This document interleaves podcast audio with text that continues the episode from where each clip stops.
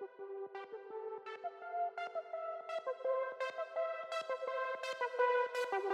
you.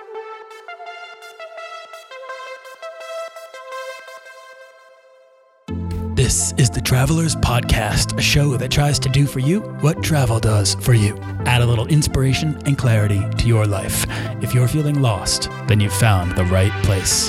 The Travelers is produced by Holocene. Rewrite the story of your life using travel and creativity in an eight week online program and year round membership community at holocene.co. That's H O L O C E N E dot C O.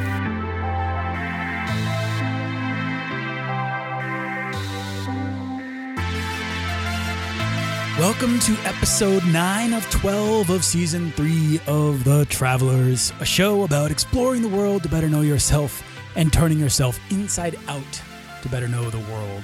My name is Nathaniel Boyle, uh, and if you want to know more about transformative travel, what it is, how to do it, how to find more uh, meaning and lasting change from your travels, then jump on my email list at Holocene, H O L O C E N E holocene.co. That's H O L O C E N E dot C O. Uh, where you'll be uh, up to date on everything I'm putting out there into the ether about the subject of transformative travel, transformative experience, curiosity, adventure, creativity, all of it. Today, I'm revisiting one of my favorite episodes of The Travelers, number 183 uh, an interview with Jonathan and Quinn Button from Life Out of the Box, uh, a company that takes the Tom's Shoes model, but instead of sh- you know the for every pair of shoes they sell, they give a pair to uh, children in need. Um, but instead of shoes, it's local artisanal crafts such as bracelets and apparel, um, all handmade by locals eh, for any country that they set up shop in. And for each sale, uh, a portion of the proceeds goes towards providing supplies to teachers in that very same local area. And I, I love this, not only because education is truly, to me, the most important cause, in my opinion. Um, and so their mission is it's very close to my heart, but also that they they literally followed Holocene's eight stage process to transform themselves from aspiring entrepreneurs to successful world travelers and thought leaders in their field. Uh, they've found success and fulfillment in who they transformed themselves into using curiosity and creativity to find transformation. This is Holocene. So I'm really excited to delve, you know, back into this case study from episode 183 so you can see how this transformative experience framework works. Yeah, so like you said, our names are Quinn and Jonathan, and uh, in in May 2012, uh, we ended up hopping on a one way flight to Nicaragua. We did a bunch of research on how do we define success, and for us, success became much deeper than just making money, but it actually became creating our own story, making an impact on the world, and actually traveling and seeing the world for what it is. So after doing tons and tons of research, we took a map of the whole entire world and we looked at all of the different places that we were interested in living in, as well as where we felt we could make a significant impact. And uh, it ended up that Nicaragua was going to be the perfect spot for us. Yeah, so once we figured that out, we um, we quit our jobs, we sold our cars, we just basically gave up everything. We said goodbye to our friends and family, and we hopped on the plane just with a business idea in mind, um, knowing that we were going to be changed forever once we got there, and wanting the country to actually impact us and kind of show us where we could make an impact in what we could actually do. So that's kind of how it all started. And um, it's been an amazing journey and adventure ever since we hopped on that plane. Okay, so that's Quinn and Jonathan. Uh, they left with the intention to create something, in this case, a business idea, but they didn't. They didn't have an answer. They didn't know what they wanted to do, and that's okay. They they just like intentionally wanted to be open to questions, so that wherever they wound up, would help open them to new possibilities. And from there, that's where they'd find their clarity. And I just want to pull out something Jonathan said. He said, Success became creating our own story. Everything else he said there was really a subcomponent of that statement. The story is framed by all of their actions, their departure, uh, their exploration, their adventure, and their creativity. And by piecing all of these elements together, they crafted a story for themselves and one they were all too excited to share with us. Um, you know, yeah, we both have traveled uh, quite a bit. I personally had never been into a developing country before. I mo- mostly just traveled around Europe. Um, Jonathan had been to quite a few other places, but I think that feeling and that um, you know desire to know what the unknown was um, really was what got us going. We want we knew Spanish, but we didn't know it very well. We wanted to really be fluent in Spanish. We knew that the best way to do that was to live amongst locals and to be immersed in it. And you know, we really just no one when we decided Nicaragua, we asked a lot of people if they had ever known about Nicaragua, and a lot of people didn't know very much about it, which made it that much more intriguing. So um, we were really excited. It was just it, the craving of wanting something new and something different and unknown. Yeah, we wanted to. We felt that the best education for us would be through traveling, living with these locals, learning about their lives, learning about their culture, learning the language, eating what they ate, everything. And from that, we uh, we were in hope at the time that we would be able to develop ourselves that much further. And in doing so, we can comfortably say that we definitely have grown a lot yeah. through all of our journey. I want to add that Jonathan and Quinn both have since this interview gained PhDs. So when they say that they look to travel as the best education, they're not dismissing institutional education or the value of traditional education. They genuinely wanted the world to teach them, to impart on them things outside of the system and show themselves to themselves and each other the two of us, you know, we were only we had only been working. We graduated university, and then we had only been working for two years. And in those two years, we were saving up as much money as we could. And we knew we wanted to start a business when we when we moved over there. And we knew that it took a lot of money to start up a business, but we didn't want to take out any loans. We didn't want to borrow money from anyone. So we knew we had to just you know fund ourselves off of the money that we had just been saving for the last two years while we were working. So part of it was that we we sold all of our stuff and we cut our ties off financially from everything that we were obligated to in the United States because we wanted to devote all of our time and energy into creating our dream life, basically creating this dream business that we wanted to do in Nicaragua.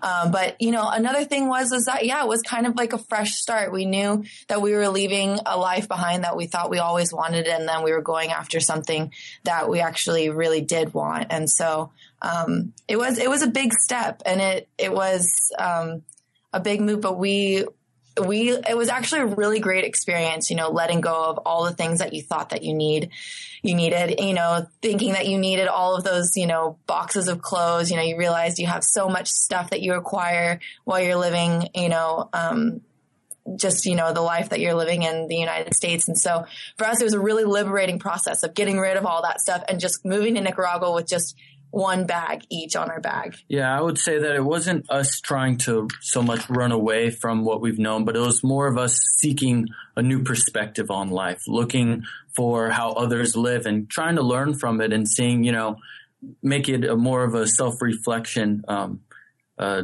experience for both Quinn and I to really see, you know, what how do we want to live in the in the long term as we grow forward? Self-reflection was an intention that they had in mind in letting go of their things their lives their resistance and instead choosing curiosity. These truly drastic measures they're not required to choose curiosity or to travel or even find lasting transformation. It's just that in their case you know, they felt encumbered by these things. So they started by shedding the stuff ceremoniously that was holding them back. And without this weight, you know, they could more easily overcome the resistance and carry less answers with them into new places and instead opening themselves more fully to the questions they'd find on their journey. And that is incredibly freeing. It, it felt great. Yeah. I mean, that I'll never forget that feeling that we had when we got on that plane and it was real. We were moving to Nicaragua and we only had, you know, a backpack each on our back. And like, it was just, it was such a great feeling knowing that everything was just in front of us. Nothing was behind us. And, um, the future was ours and we could do anything. It was just, you know, a really great, great feeling. Before you take your next trip or even plan your next trip, ask yourself how can I let go of myself a bit more before I leave? What answers about myself or the world am I holding on to that I can shed? And what question could I explore? What do you need to do in your life to really prepare for a trip to be not only meaningful, but transformative? I promise the answer to this question lies in your optimizing for openness to the world, to experience, openness to new things, and openness to new sides of yourself. So we ended up moving uh, to the expat village called San Juan del Sur, which is a beach village. And um, we were just the first few months of moving down there, we were purely dedicated to learning about the culture, learning learning the language, and becoming a part of the culture, and letting the culture change us rather than us trying to do business in a new country and us trying to change the bit uh, the culture. We knew that was impossible, so it took a long time. And we lived with local families. We ate with the locals. We cooked with the locals. We became friends with all the local kids in the community as well. And um, just from being involved in uh, in the community so much, uh, we ended up making some really great contacts.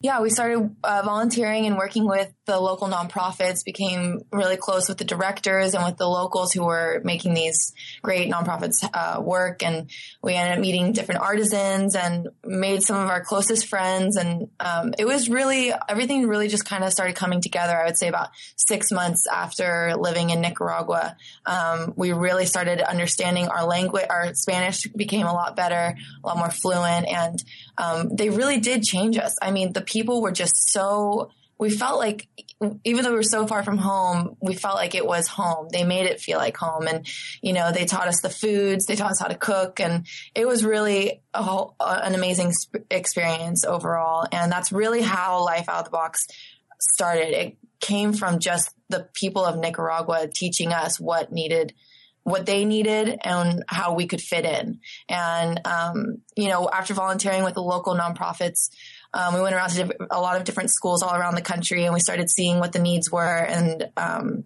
that's really how Life Out of the Box started. So, as you can see there, when it comes to their creative aspirations and ambitions, they really didn't even know what they were going to do. They had the idea of life outside the box, but the website, the blog, uh, the brand, even, it was just a container for their creativity. It was empty when they left. And then they poured it into it. They kept themselves open to the possibility of finding inspiration along the way, but still with the clear intention to find and create something meaningful. And they unlocked it by giving back to the community first. Absolutely. I mean, a relationship in general is two way. It has to be both ways, you know? So if you give and then they'll give and it really does always go both ways. So whenever we talk to, you know, younger kids or people our age or even older, we always say, step out of your comfort zone when you travel. Don't stay on the tourist path. Really try to immerse yourself and connect with the local people because that's really where you're going to understand another country and another culture. Yeah. And always give back. I mean, they, they were so kind to let us be a part of their community. We, it was it was such an honor for us to be able to provide the you know the local schools or the schools in the area with school supplies or even painting the schools or giving back in any way that we could. And it ended up bringing both us and the community closer together. Okay so there it is. They stayed open to possibility chose curiosity let go of answers to chase questions, allowed the questions to lead them to more questions until they found a sense of belonging, a sense of home, a sense of self. And it was from that clarity of who they were that they were led right to the inspiration to create a business that would leverage local artisans to generate products that they could sell to continue to give back to the local schools in the form of supplies, which would then open the world even more to them. This is the Holocene framework in action and in allowing their curiosity to guide them step by step to inspiration and then channel that inspiration into their creativity. Well, that's when the magic happens. I mean, it's completely changed the two of us to our very core. I mean, the very first girl that we ever gave school supplies to, her name was Naomi in, in Masaya, Nicaragua, which is a, you know, a, a local village in Nicaragua that we lived in um, when we first launched Life Out of the Box. And we had our first customer purchase from Washington. And that day we went out to the street and we saw uh, this little girl walking with her mom out, right after school. And we asked her if we could give her school supplies. And her mom said, yes, of course. And so we, um, um, you know, asked her to pick out her school supplies that she wanted. And when she picked it out, she started like, she started dancing in the street. And it was just such a beautiful experience. Both of us had tears in our eyes just seeing this for the first time, the appreciation that she had for something so simple. Um, we knew at that point that we wanted to make sure that every child who needed school supplies was able to have them. And so right after that moment, then we started traveling all over the country. Um, we worked with lots of different nonprofit organizations and went to different schools, gave to thousands of children in Nicaragua.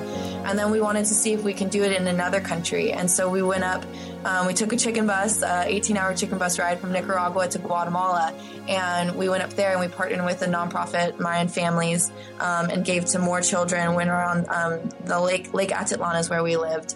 Um, and there's a lot of different vill- little villages, Mayan villages um, where this program has built um, preschools and we gave to them. And so, I mean, really, our whole goal in life right now is just to make it so that any child that needs school supplies is able to receive it. And we want to continue giving in any way that we can. I mean, as we grow, we're always thinking about what other impact can we make on education around the world um, with children? So that's just always on our mind as as we're growing life out of the box. Is how else can we make an impact, and where else in the world can we make an impact? Yeah, life out of the box represents stepping out of your comfort zone to pursue your dream, and in doing so, helping others pursue their dream as well. And so, whether we're giving a child school supplies and trying to help them go after their dreams, or we are um, you know, hope, hopefully getting other people to listen on your podcast that maybe this is something that they're interested in and they go after their dreams and they give back in their own way it's that's that's what we live for now. And that's how we've changed completely since we were living in our little cubicle office in california. Yeah absolutely. And uh, really everywhere feels like home now. I mean it's like we've lived in all these different countries and all of them have changed us. All of them have felt like home. And so home has changed completely for us. And we are very passionate about, you know, te- helping others pursue their passions. I mean, that's probably one thing that drives us the most as well is helping others figure out what their dreams are and, and pursuing that because really that's what the world needs is people who are passionate about what they're doing and working hard and hopefully giving back at the same time. I mean, our, our generation is a generation that really cares a lot about you know how the how the world is and making an impact on it, making their mark. And so we've spoken at lots of different universities to different classrooms and to students, and they're all so passionate about wanting to travel and making an impact. So um, a passion of ours is to really try to get out there and hopefully inspire them to do that. Like Jonathan said at the beginning, success became creating their own story. The story is framed by all of their actions their departure, their exploration, their adventure, and their creativity. And by putting all of these elements together, they crafted a story for themselves and one they're so excited to share, continue living, and tell over and over and over again. By cultivating their openness to experience, they found a sense of joy and success through giving back to places that inspired them. It also transformed them into successful entrepreneurs who have been interviewed on podcasts, TV, blogs, uh, at schools and universities and more. They justified a belief that there was something out there. There was a magic out there if they only allowed themselves to be open to finding it. And in turn, they found an inspiration and impact that nurtured a transformation to see the world and make an impact that lasts. They've since carried forward this adventure to Guatemala, Belize, Kenya, Morocco, and more. Creativity is the forgotten third act of transformative experience. This is just one story. It might have been a massive life change. It doesn't have to be. You just have to be intentional. Identify yourself. Be open to discovering that identity by exploring the world, and then have the intention to share what you discovered through creativity. It will transform you. I promise. This is Holocene. Holocene is the step by step guide and the container for this system. And there's nothing else like it out there. So come on over to holocene.co, jump on the list, jump in the community, uh, participate. I'd love to have you on this journey. We are taking the trip of a lifetime to and through yourself. Where better is there to go? this is the ultimate travel destination. I will be your guide. I have navigated this trip hundreds and hundreds of times. I know the way. I have the map. I want to show it to you. I'm so excited. Uh, this is Holocene. Um, okay, uh, I'm going to leave uh, this episode in the hands of Jonathan and Quinn and some inspirational words that they have to share. And I hope you'll jump back in for the final three episodes of season three, all about transformation.